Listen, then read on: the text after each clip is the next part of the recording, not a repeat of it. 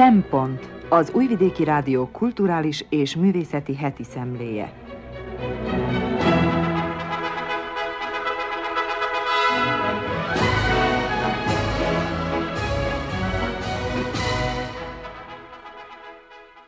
Jó napot kívánok, köszöntöm a Szempont hallgatóit, Madár Anikó vagyok, a mai adás szerkesztője. A Magyar Kultúra Napja Vajdasági Központi Ünnepségén elhangzott ünnepi köszöntővel kezdünk, majd Patúcs Lászlóra emlékezünk. Jódan Rózsa Bereményi Géza legújabb önéletrajzi regényéről beszél, Sándor Zoltán új generációs kukucskálóként jelentkezik ma be, Gobbi Fehér Gyula eheti jegyzetének a címe pedig Az író és a ló. Ez a kínálat, tartsanak velünk! thank you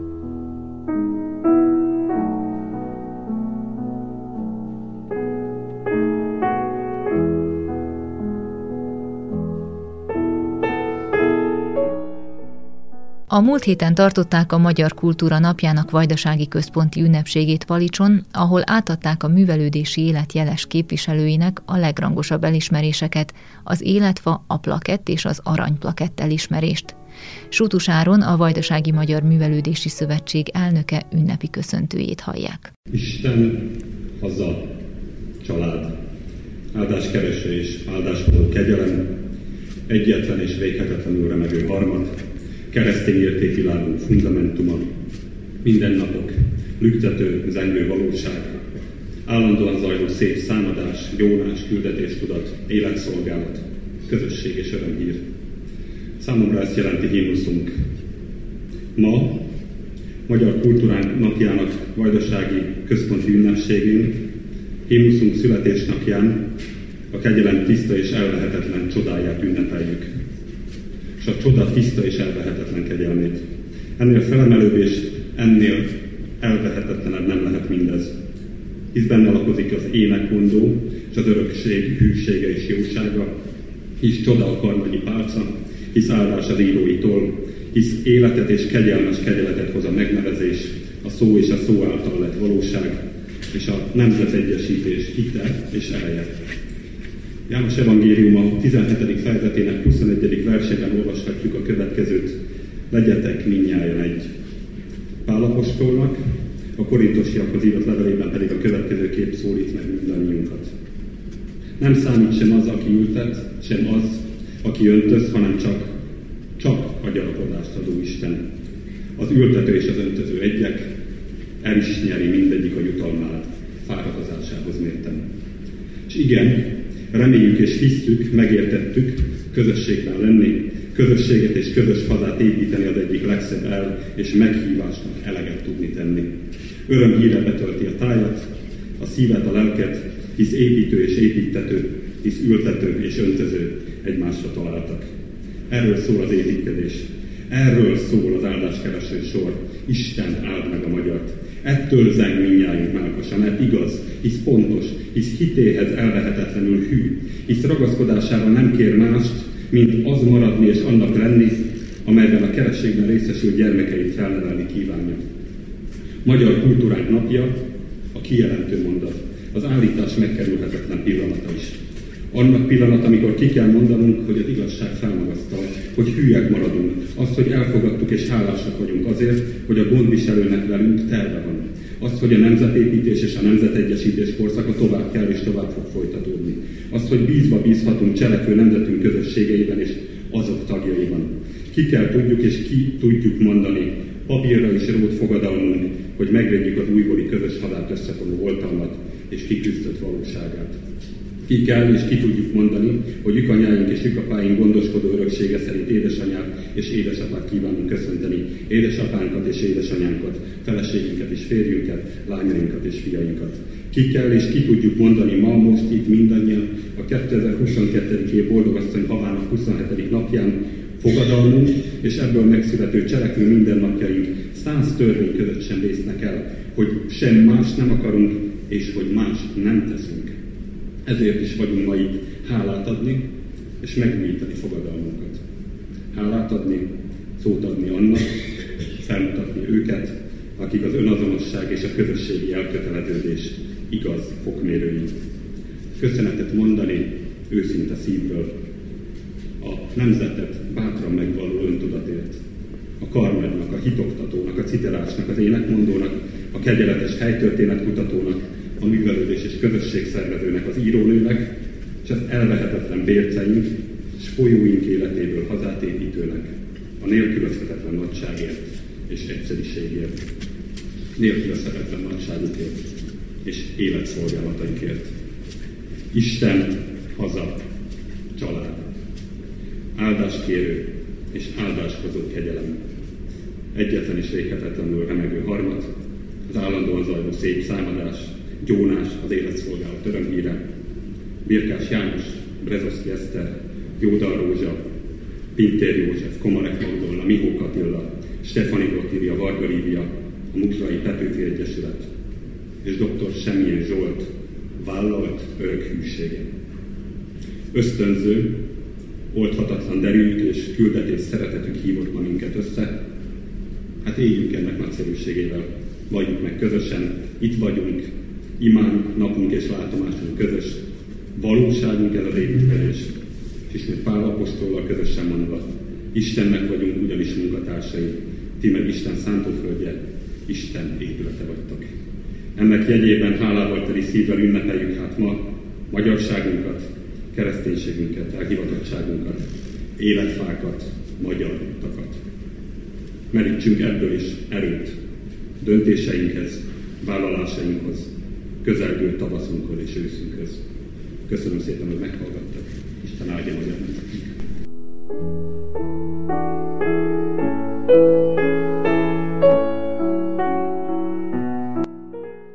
A Magyar Kultúra napján készült bővebb összefoglalót a pénteki Metszetek című műsorban hallgathatják meg.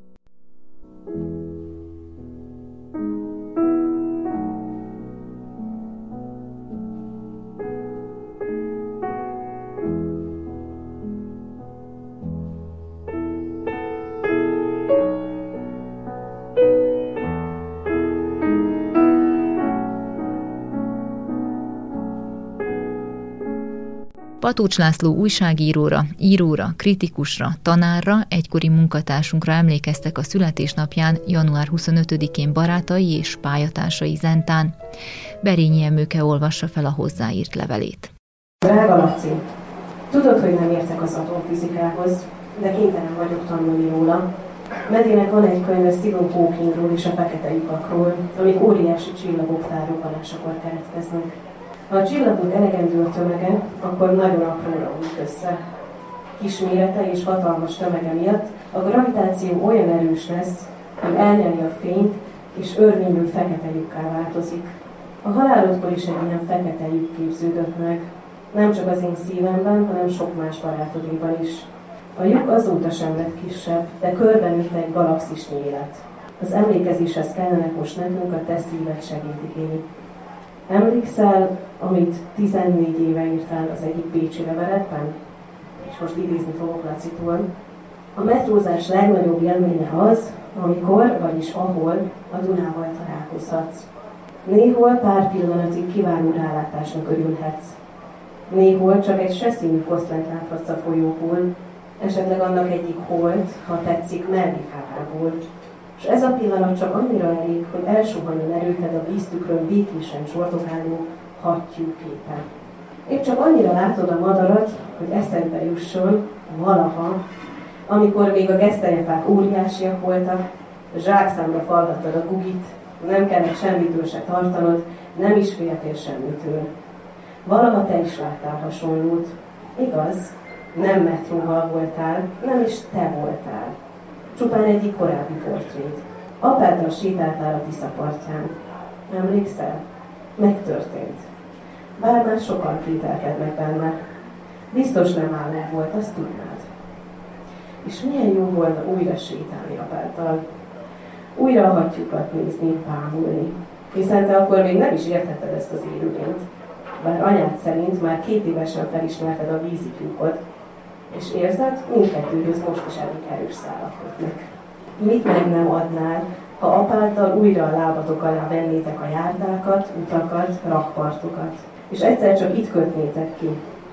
Pontosan itt, ahol a Bécsi metróból pár tized másodpercre láthatnád saját régiómakat, amint a lehető legközelebb szeretnél, nem szeretnél, akarsz jutni a gőgös katyúkhoz.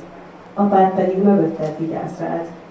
Majd mikor a szerelvény elhalad, ti megindultok a legközelebbi cukrászdába, elmajszoltok egy-két süteményt, aztán mindenki jól végezte magát, szépen hazamentek. Ezt kellene tenni. Eddig az idézet Lacitól. Valami ilyesmit teszünk most mi is. Örvényen hagyjuk a szíveink fekete lyukjait, hogy egy kis fény azért mégis távozzon belőlük. Mert hogy mégsem teljesen sötétek. Ezt állapította meg róluk legalábbis új tanulmányaim szerint Stephen Hawking. Időnként energiát sugároznak magukból. Én ezzel szeretnék születésnapi ajándékot adni neked. Egy alapítvány szeretnék létrehozni olyan fiataloknak, akik helyén szintén ilyen fekete lyuk keletkeznek. Akik nem akarnak mást, csak, ahogyan annak idején te is írtad, hogy engedtessék meg nekik, hogy legyen saját akaratuk, lehessenek önálló ötleteik, hogy kimondhassák, amire gondolnak, hogy vállalhassák a véleményüket. Akik nem hasonlítani, hanem lenni akarnak, ahogy Szilárd mondta. Szerintem ez méltó lesz hozzád. Boldog születésnapot odafenn és ideben.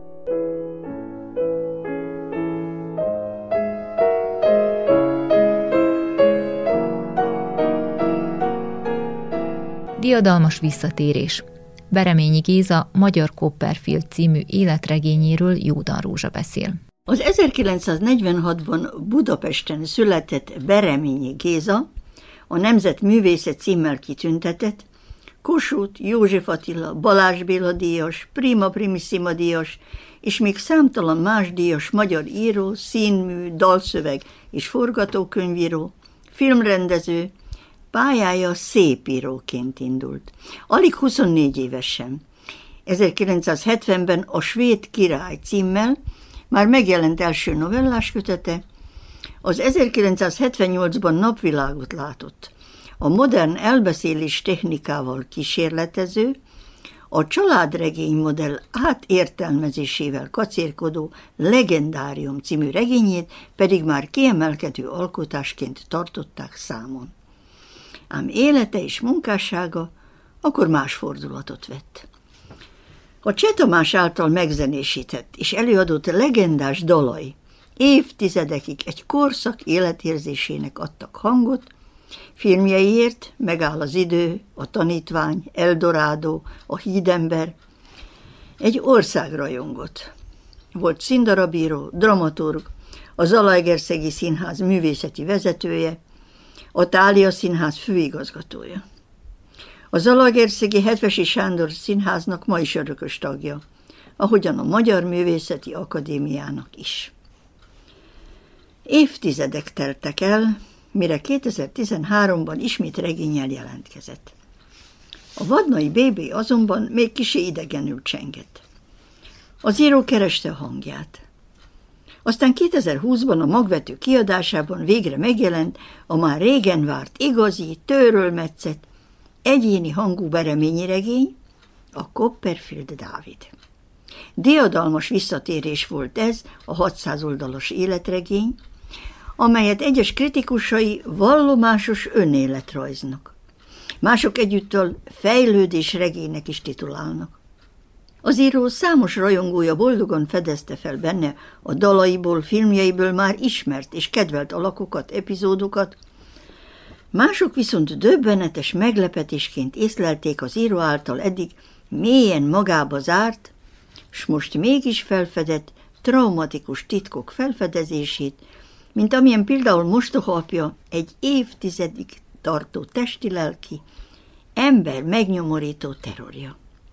Hatalmas siker, gyors újrakiadás kísérte az életregény megjelenését, amelyet a Libri Irodalmi Díj koronázott meg.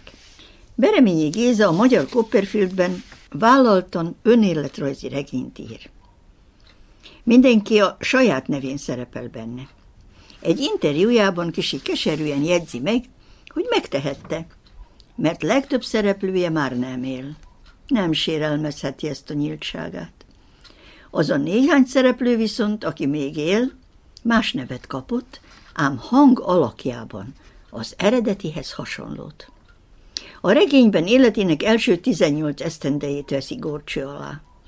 Mindvégig sajátos, élőnek, autentikusnak ható nyelvezetet használ, amely az elbeszélő növekedésével természetes módon változik. A gyermekkorát a kisgyerek öneszmélő, kíváncsi, az egész világot megismerni vágyó természetes hangnemében és észjárásával festi, a későbbieket pedig a kamasz mérlegelő hiú szemével, majd a történések torzulása folytán a kényszerű introvertáltság befelé forduló, sokszor mindent keserűen, csalódottan elutasító prizmáján átszemlélve. Az író erről a hangváltásról egy interjújában így nyilatkozik. Hat éves koromhoz érve megtorpantam. Akkor kaptam más nevet. Sok minden megváltozott. Onnantól új hangot ütöttem meg, és rájöttem, hogy az már egy hat éves fiú hangja. A kisfiú megszűnt, mert olyan dolgok történtek, amik már nem voltak kisfiúknak valók. A hang magától változott, ahogy beleértem magam.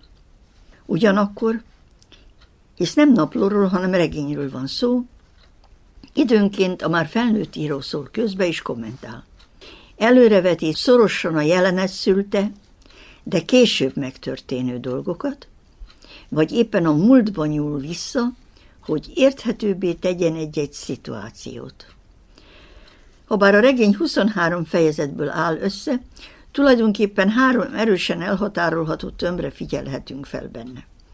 Az első hat esztendőre, amelyben a kis Gézát szülei helyett a nagyszülei, Bereményi Sándor és Róza nevelik a Telekitér 9-ben, s amelyben a regény számára maga a szerető éden, majd önző, finyáskodó, nagyra törő édesanyjával és apukával, a frusztrált, betegesen gyűlölködő nevelőapjával elszenvedett traumatikus tíz évre, s végül a szökését követő időszakra, amikor már végre önállónak és szabadnak érzi magát. Az elbeszélő rendkívül találó és sokszínű portrét fest minden szereplőjéről. Elsősorban az imádott nagyszülőkről, a telekitéri piac magukat agyonhajszoló nagystandosairól, akikre Géza feltétel nélkül mindig számíthat.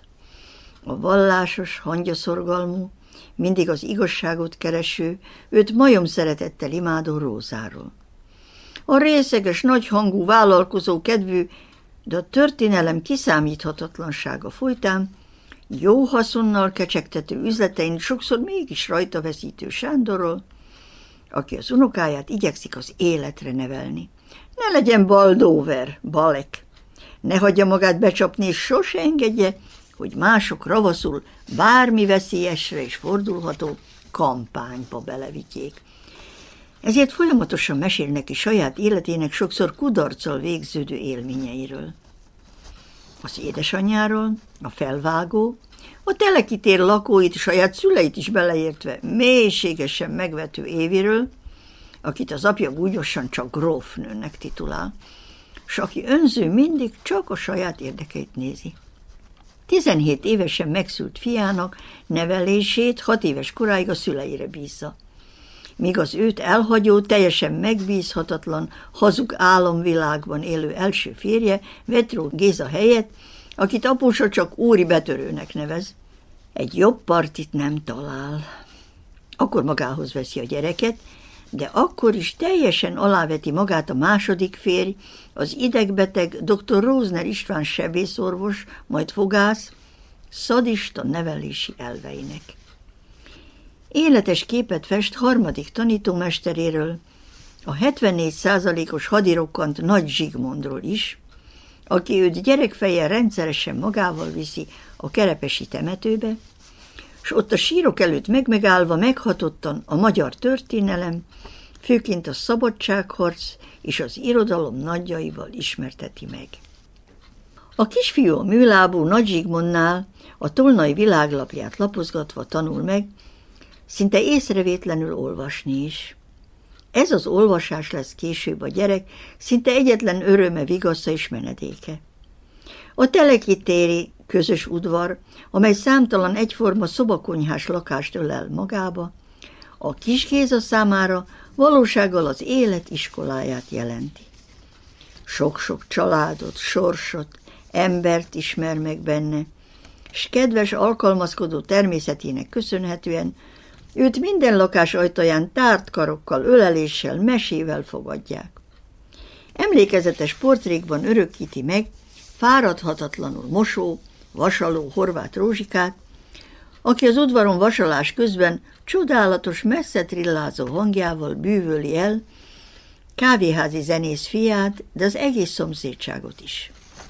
Az évek óta egymagában haldokló Winkler nénit, aki fáradhatatlanul dudorázza a Te vagy a fény az éjszakában kezdetű karádislágert, s a kis Géza tényként fogadja a többiek megértő véleményét, a néninek ez a sláger tulajdonképpen a halált váró imádsága. Szívesen látogatja az udvar végében lakó, ét nappal lát éve olvasó féltestvérét, akinél gyermekfűvel világhírű írók remek művei is. Szívesen látogatja az udvar végében lakó, ét nappal lát éve olvasó féltestvérét, akinél gyermekfűvel világhírű írók remek műveire ismerkedik meg. Hat éves koráig a telekitéren a kisfiú mindenre nyitott, mindenkihez szeretettel közeledő, mivel őt is végtelen szeretettel és házi sütivel fogadják minden lakásban, ahová még alig totyogón, apró ökleivel bedönget. Aztán jön a váltás. Édesanyja férjhez megy a szép, művelt, perspektívikus dr. Rózner István sebészorvoshoz, akit azonban élete tragédiái, leginkább talán szülei tragikus megkínzása, és vége annyira kiforgat önmagából, hogy egy gyűlölködő, testileg és lelkileg is beteg, gyógyszereken élő, állandó sértődékenységtől fortyogó emberré válik, aki nyilván öntudatlanul másokon akarja leverni az őt ért sérelmeket. Elsősorban a legközelebb esőn, saját nevelt fián. A még vérszerinti apját nevét viselő Vetró Gézát adoptálja ugyan, és az első osztályba iratkozó kisfiú megdöbbenve észleli, hogy elsős tankönyvén áthúzták a vezeték nevét, s hogy ő ezentúl már Rozner Géza lesz. Nadrágos, tanult embert akarnak faragni belőle, a szülei moziba, színházba kirándulni viszik magukkal, ám a nevelőapa gyerek minden tettét sajátos, torzító, sötét szemüvegén keresztül mérlegeli, s minduntalan tudtára adja a kicsinek, hogy ő pont olyan senkiházi, csaló, tehetetlen alak, sőt született börtön töltelék, mint az édesapja. A maga sajátos módján időnként megpróbál ugyan közeledni, lehajolni hozzá. Például karácsonyra saját maga farag neki játékokat. De amikor az inkább a fenyőfalat tornyosuló könyvek után kap, felháborodott ajtócsapkodással kirohan. Nem tudja megérteni a nevelt fiát, sem ő, sem a felesége. Géza már pár éves kora óta olvas, az első osztályban pedig először a szótagolva olvasást gyakorolják, amit ő nem tud utánozni, mert az ő fejében már a teljes szavak képződnek meg. A tanítónéni megkéri a szülőket, hogy gyakorolják a szótagolva olvasást a kis csacsival. Azok meg is teszik, és hogy ez nem megy, ordítva kiabálják. Buta vagy! Buta! A nevelőapa később a szóbeli intéseket a pincében titokban, fahordás ürügyével lebonyolított, testi fenyítésekkel váltja fel. A szőnyegporoló nyelével veri lemeztelenített mostoha fiát. A kamaszodó Géza nagy magányában egyre inkább befelé fordul. Elhiszi nekik, hogy ők egy semmire való buta, tehetségtelen teremtmény, és az olvasásba menekül. Egy egész életre a betűt, a könyveket fogadja el, mint egyedüli örömforrást. 16 éves korában viszont egy újabb mesztelenre vetkőztetést és megveszőzést már nem vállalva, ököllel arcul a doktorurat, és örökre elhagyja az elegáns, háromszoba hallos lakást, a szerető szülői házat. A helyszínek nagyon jelentősek. A telekitéri piac és a soklakós kilences ház egész színes társadalmával, a Rozner házaspárral végig lakott sok-sok albérlet, majd az egyre elegánsabb lakások, amelyek mindegyike rácsos börtönök képzetét keltik benne. A Cukor utcai iskola, a számára egyre kíváncsibbá tevő diák és tanár egyéniségeivel. Balatonfüred és Almádi első felhőtlen nyarát és szerelmét ígérve, valamint a fejekkel való együttműködést, elfogadást meglebegtetve, de ahol egy életre szóló leckét is kap abból, hová vezethet a jó hiszemű naivitás és segíteni akarás. Egy Jocó álnevű provokator srác majdnem rács mögé juttatja. És pápa, a Tűr István gimnázium és kollégium, ahol a Cukor utcai iskolából kicsapva, és azzal eltanácsolva, hogy bomlasztja az osztályközösséget, végül leérettségizik, és amelynek falai között egy életre szóló jó akarót, végre egy makulátlanul jó, tiszta, és őt feltétel nélkül megmenteni kész embert lel igazgatójában, a nagy tekintejű Galántai Istvánban. A nevei A gyerek és kiskama számára folyamatosan változó vezetéknevei. Vetró, Bereményi, Rozner, majd ismét Bereményi, egy életre szóló bizonytalanságot, felfelmerülő identitásvesztést idéznek fel és égetnek bele. Annyira, hogy egyszer az ecetes uborkás üveget bámulva hirtelenében új, titkos nevet választ, s önmagát Cetes Gézának kezdi nevezni, mert úgy érzi, ő maga, mintha nem is létezne valójában. Bereményi kényszerű névváltoztatásainak fontossága kapcsán hadd említsük meg új regénye címválasztásának titkát is. Dickens regénye a gyermek Géza kedvenc olvasmánya volt és maradt. Scopperfield Dávidban valószínűleg saját alakmását fedezte fel. A regényhős immár sokadik névváltoztatása, a magyar Copperfield, a két főhős sors párhuzamára utal. Bereményi Géza Magyar Copperfield című nagyszabású, széles volumenű, olvasmányosan áradóan valomástevő, végre a teljesen testre szabott, önmagát adó stílusra rátaláló remek művében tulajdonképpen összegezi egész eddigi élete történéseit és alkotózsi törekvéseit. Hányatott, akaratán kívül állandóan változó, megszenvedett sorsa a második világháborús emlékű, az 56-os és a Kádár korszak macskaköves, agyonkoptatott utcáit, tereit járva, egyúttal az egész hányatott sorsú, állandóan változó ország történéseinek is hű tükre. Olvasói közül sokan szeretnék már az életregény folytatását olvasni. Nos, egy interjúban az író elárulta. Készül már a folytatás. Megvan a címe is. Egyetemeim. A meglévő első kötet a katonai behívó átvevésével, majd a narrátor orosházára egy világvégi helyőrségbe való érkezésével ér véget. A folytatásban azonban kihagyja a katonaságot, mint mondja, ez külön könyv lenne, és nincs kedvem svejket írni. Az egyetem öt évét és az utána következő egy-két év történetét szeretném megírni. Idézet vége. A riporter kérdésére miszerint az első könyv legfontosabb szereplője a nagyszülők. A másodikban is lesznek olyanok, akik meghatározzák a fiatal felnőtté váló Bereményi Géza sorsát, életét? Idézet vége. Az író válasza. Ketten is. Két mesterem, aki írásra biztatott engem.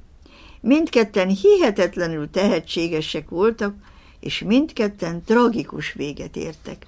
Mint kiderül, egyikük a filmrendező Bódi Gábor, a másik Ajtony Árpád író. Mi is kíváncsian várjuk a folytatást.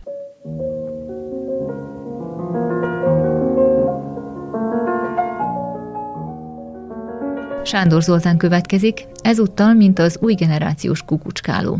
Nagyszüleim a falu központjában éltek, közvetlenül a cukrászda szomszédságában, egyik irányban néhány háznyira az iskolától és a postától, másik irányban pedig nem messze a művelődési háztól.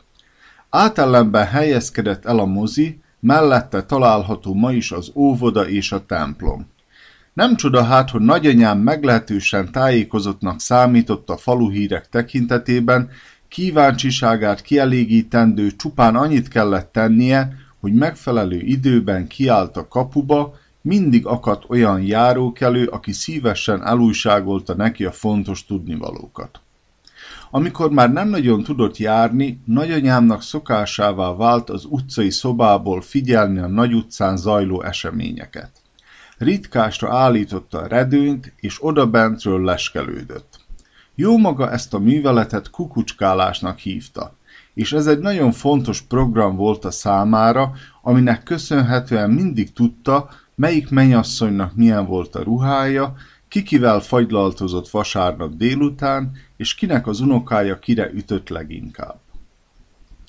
Nem tudom, hogy létezik-e genetikai hajlam a kukucskálásra, eddig még nem fedeztem fel magamon, ám lehet, hogy ez a tulajdonság csak az évek előre haladtával alakul ki, minden esetre nemrég arra lettem figyelmes, hogy megboldogult nagyanyámhoz hasonlóan én is az ablakon keresztül inkognitóban figyelem az utcai történéseket. Igaz, nem előre megfontolt szándék vezérelt, de a művelet attól még ugyanaz volt. Az történt ugyanis, hogy éppen a nappali szobában álltam, amikor az utcai ablak előtt elment valaki. Semmi különös, naponta több százan elhaladnak a házunk előtt. Nem is tulajdonítok ennek nagyobb jelentőséget, ha szürke kabátos illetőt nem pillantom meg az utca másik oldalán. Még ekkor sem foglalkoztam vele túlságosan, csak éppen konstatáltam magamban, hogy átment a túloldalra. Annyit láttam, hogy valamit tett a szomszéd postaládájába. Ebben sincs semmi különös, különféle szórólapokkal, reklámanyaggal és ingyen újságokkal naponta megtömik a postaládáinkat. Az illető nem sokára már ment is tovább. Furcsálottam ugyan, hogy a postaládából nem virít a színes papír, de hát lehet, hogy tévedtem, és az illető nem is szórólapokat osztogat, gondoltam. Intuíciómnak vagy a véletlennek köszönhetően átmentem a konyhába.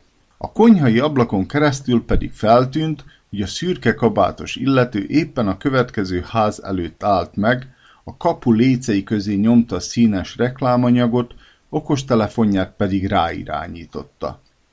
Néhány másodperc után leeresztette a kezében lévő telefont, kivette a lécek közé helyezett papírköteget, és indult tovább. Innentől kezdve tudatosan követni kezdtem a tekintetemmel. A következő szomszédnak kisebb nehézségek árán begyömöszölte a postaládájába a küldeményt, fotózott, megnézte a telefonját, nyilván a felvétel minőségét ellenőrizte, vagy azonnal küldte valakinek a képet, majd kivette a csomagot a postaládából, és továbbment. Gondoltam, hát ha visszajön a mi oldalunkra, ezért kimentem a teraszra, és onnan figyeltem a mozgását, de nem jött vissza, hanem a túloldalon haladt tovább. A következő postaládába is behelyezte az anyagot, fotózott, vissza kivette a cuccot, és folytatta útját. Az ötödik ház előtt is ugyanígy járt el, utána kilépett a látómezőmből. Kimentem az utcára, és megnéztem a postaládánkat. Üres volt. Sose tudom már meg, hogy milyen hirdetésről, jutányos kínálatról vagy információról maradtam le. Ehelyett azonban gazdagodtam egy élménnyel az emberi találékonyságról. Feltételezem, hogy az illetőt a megbízója a széthordott anyag száma után fizeti, miközben neki minden egyes kézbesítést fotóval kell bizonyítania, ő azonban úgy gondolta, nem cipel magával több száz szórólapot, amikor egyel is megoldható a feladat. Az is lehet, hogy környezetbaráti szempontok vezényelték az illetőt a simlisségre, nem akarta feleslegesen széthordani ezt a sok papírost, amelynek köztudottan a nagy része olvasatlanul a kukába, rosszabb esetben a járdára kerül. Lám, fordult meg a fejemben, tudhatott valamit a nagyanyám, olykor egészen izgalmas élmény lehet megfigyelni a való világot. És miközben ezt írom, az jár a fejemben, hogyha netán a szórólapok kihordását megrendelő munkadó hallgatja ezt a röpke eszmefuttatást, lehet, hogy majd ezentúl arra fogja kötelezni a kézbesítőket, hogy minden kiszállított papírra üssenek egy számot, hogy ne lehessen ugyanazt a szóraanyagot kétszer lefotózni. A kukucskálók újabb nemzedékének tagjaként, egyszeri tapasztalattal felvértezve, annyit mondhatok, majd meglesem.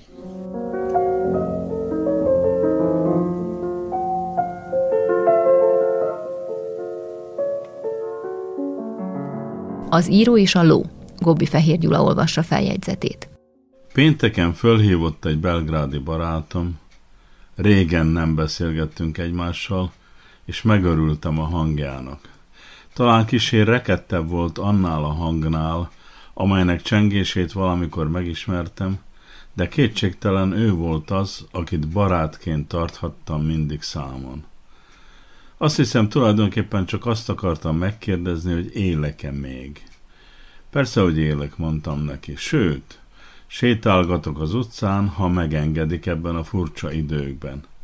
De erről, mármint hogy sétálhatok, még pecsétes papírom is van.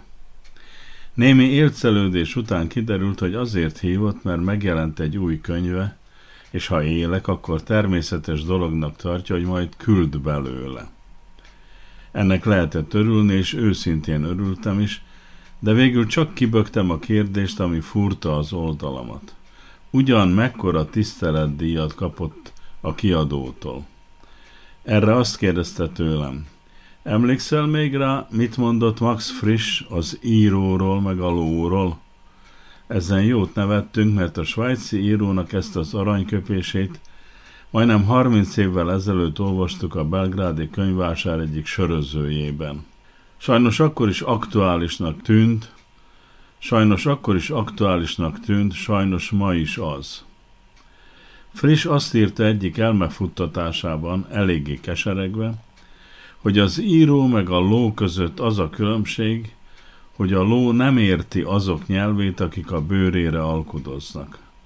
Vagyis mi írók ugyan értjük a kiadóink nyelvét, de nem nagyon tudunk beleszólni, mekkora lesz a végösszeg, már ami minket illet. Mondta is a barátom rögtön nehogy álmodozzak bizonyos nagy pénzekről, mert a nem túl vaskos emlékezésekért, amelyek most jelentek meg, még annyit sem kapott, mint amennyi egy havi nyugdíja. De nagyon vigasztaló, hogy végül is megjelenhetett a könyv, amelyet már évek óta szerkesztett. Megegyeztünk, hogy új törvényt kellene hozni a könyvkiadásról, az biztosan segíteni a dolgok helyretevésén. Ezen mindketten kuncogtunk megint, mert alig múlt el néhány éve, amikor megszületett a legutóbbi új törvény. Ahhoz képest még meg vagyunk, hegyeztem meg, mint egy konklúzióként. Meg hát a könyvek is csőstül jelennek meg. Hát hol itt a baj?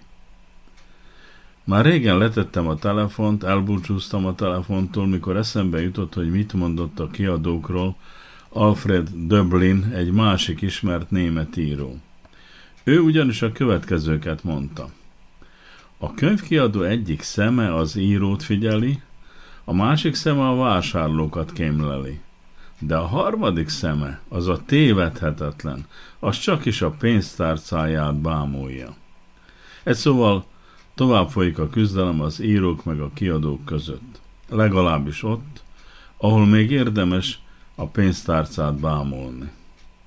Egy pillanatban majdnem a telefon után nyúltam, emlékeztessem rá a barátomat, hogy ezt is olvastuk együtt, de aztán lemondtam róla. Tudja ezt ő maga is, hiszen most élte át könyvének kiadatását. Hosszú évek óta folyik a kulturális törvényekről a vita, melyik ágazatot miképpen kellene rendezni, hogyan kellene pénzelni, mit kellene a fejlődés érdekében megtenni. A könyvkiadók ugyan elég lármásak, biztos vagyok benne, hogy amit megtehetnek, azt meg is teszik. Különben még a valamikori fórumban megtanultam, hogy a kiadói funkció anyagi oldalát tekintve három dologra kell odafigyelni. Az első a kiválasztás, milyen szöveget, mikor és milyen formában lehet kiadni. A másik az az előállítás, hol kell nyomtatni, milyen anyagra, milyen betűkkel, és milyen illusztrációkkal. A harmadik meg, hogy miképpen érdemes terjeszteni, ügynökökkel, boltokban vagy másként. Persze, ez még a 60-as években volt, azóta sok minden változott, de főleg az olvasók összetétele. Közben a nemzetiségi könyvkiadás sokszor került olyan helyzetbe, hogy a szervnyelvű kiadók irigykedtek rá, mert ha kevés is volt, de biztos pénz járt vele együtt. Másrészt meg, ha a körülmények vagyis a vámtörvények megengedték, akkor ablakot nyithatott az anyaország vásárlói felé is, mármint amekkora érdeklődés ott megnyilvánult a mi könyveink iránt. Noha a kiadók házatáján mindig a pénz körül folyik a lárma, a munka értékét eldöntő ügy tulajdonképpen a szellemi teljesítmény. Az irodalom sorsa azon múlik, hogy a szerkesztők milyen színvonalon dolgoznak. Ugyanis ha sikerül olyan alkotókat találniuk, akik képesek magukra vonni az olvasók figyelmét, és ha sikerül ezeket a kiadóhoz kapcsolni, akkor nyert ügyük van. És ez a lényeg. Az említett ügyletek lebonyolításában sokat segíthet persze a kultúrpolitika is. Először is az lett volna helyes, ha a kultúrpolitika kialakít valamiféle koncepciót a könyvkiadás meg az irodalom életéről. A koncepció hiánya abban nyilvánul meg a jelen pillanatban is, hogy a felelős vezetőknek fogalmuk sincs arról, hogy át kellene látniuk a szerzők, a kiadók, a terjesztés és a könyvkiadás négyszögét. Egyszerre kellene látni az adott helyzetet, mert csak úgy lehet segíteni rajta. Ha ez sikerülne, akkor a kulturális politika azt is látná, hogy olyan támogatási rendszert kellene felállítani, amely külön választja a commerce könyveket az irodalomtól, amely ezeken belül is megkülönbözteti a tudományos szakirodalmat a szépirodalomtól, amely képes belátni, hogy az évente elvégzett könyvtár támogatási alapeszközeinek elosztása jelenlegi állapotában nem elégséges.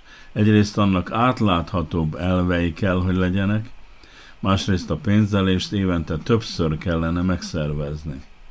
Azt is fontos volna leszögezni, mivel a kulturális szempontból értékes produktumokat általában nem tőkeerős cégek állítják elő, akkor a pénzelosztási elvek között a könyvek értékének a felbecsülése abszolút biztos indoklás szerint történjen meg. Úgy vélem az is hiba, hogy nálunk szinte minden politikai érdekeltség szerint dől el. A kultúrát nem kéne úgy nézni, hogy hoz-e majd a szavazatot, vagy nem hoz.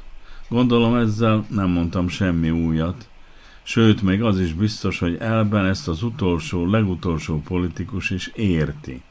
A gyakorlat viszont kissé más. Annak a sokat emlegetett kulturális törvénynek is az lenne a dolga, hogy sikeresen életben és mozgásban tartsa a kulturális életet amibe beletartozik a könyvszakma is. Beletartozik az alkotók életben tartása. Beletartozik, hogy úgy tudjon működni a struktúra, hogy a könyv a legszélesebb olvasói réteghez jusson el. Az életet és az alkotást segítő rendszerre van szükség.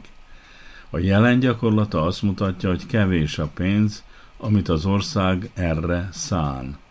Szerintem még inkább azt mutatja, hogy az a pénz, amelyet hosszas viták beletesznek, az sem tud jól működni, mert hiányzik mögüle egy átfogó elképzelés. Volt itt már olyan miniszter, aki a piacot helyezte mindenek fölé. Aztán volt olyan, aki a magán mecenatúrákban bízott, mintha az volna a jövő szolgáló pénzalap. Úgy tettek mindketten, mint akik hisznek ebben a dologban.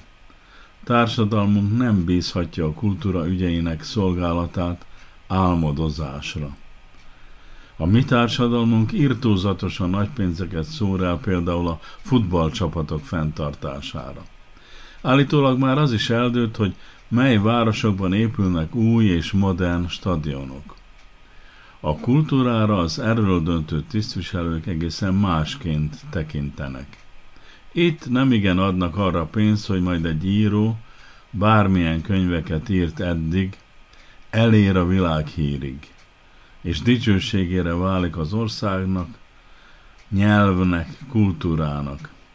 Ezt ugyanis nagyon rizikós dolognak tartják. Aztán, ha megkapom azt a könyvet, amelyet a barátom megígért, mégiscsak felhívom majd. Mikor így gondolkodom az ügyeinken, akkor azt érzem, hogy nem ártana találkozni vele. Biztosan neki is vannak jó ötletei. De ezen felül biztos, hogy más barátai is akadnak, akik hajlandók tenni valamit a kultúra érdekében.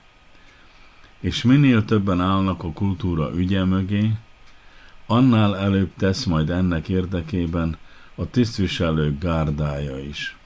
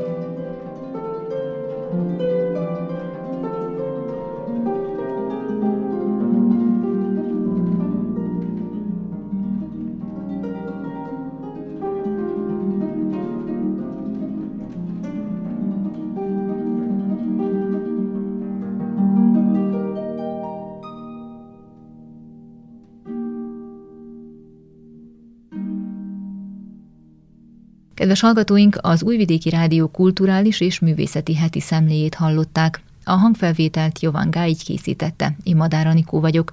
A munkatársak nevében is köszönöm a figyelmet. A műsort meghallgathatják az interneten a www.rtv.rs.hu honlapon.